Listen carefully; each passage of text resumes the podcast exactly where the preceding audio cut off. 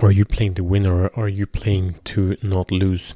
Uh, so a man who receives uh, risks nothing re- receives nothing.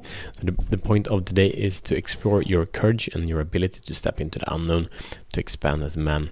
Welcome to Show the Fuck Up podcast. Um, this is the show that frees men from the prison of playing small and unleash your personal greatness.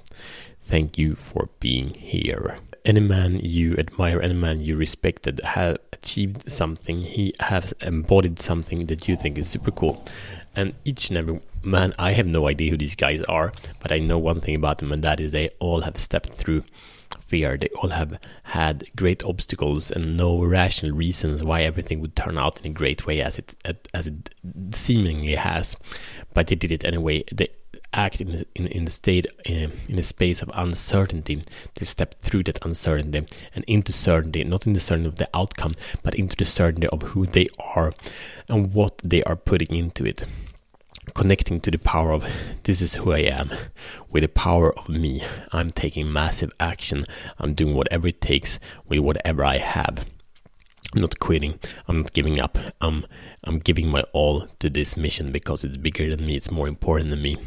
I'm choosing to shut the fuck up. Every man that has achieved something significant has done that in one way or the other. Has stepped into the unknown, not without fear, but he did not let the fear stop him. So how can you do this? How can you step into the place that scares you the most?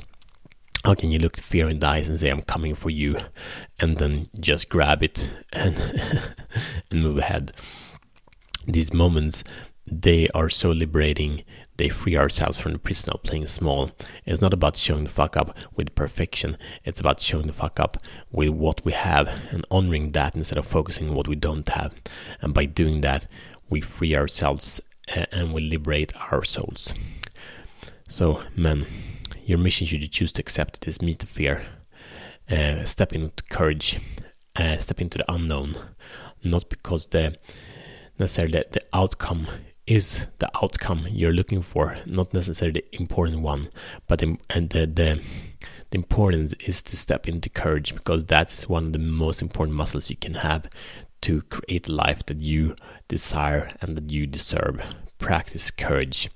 Life there is beautiful share this episode with a man who has more courage to to play with that.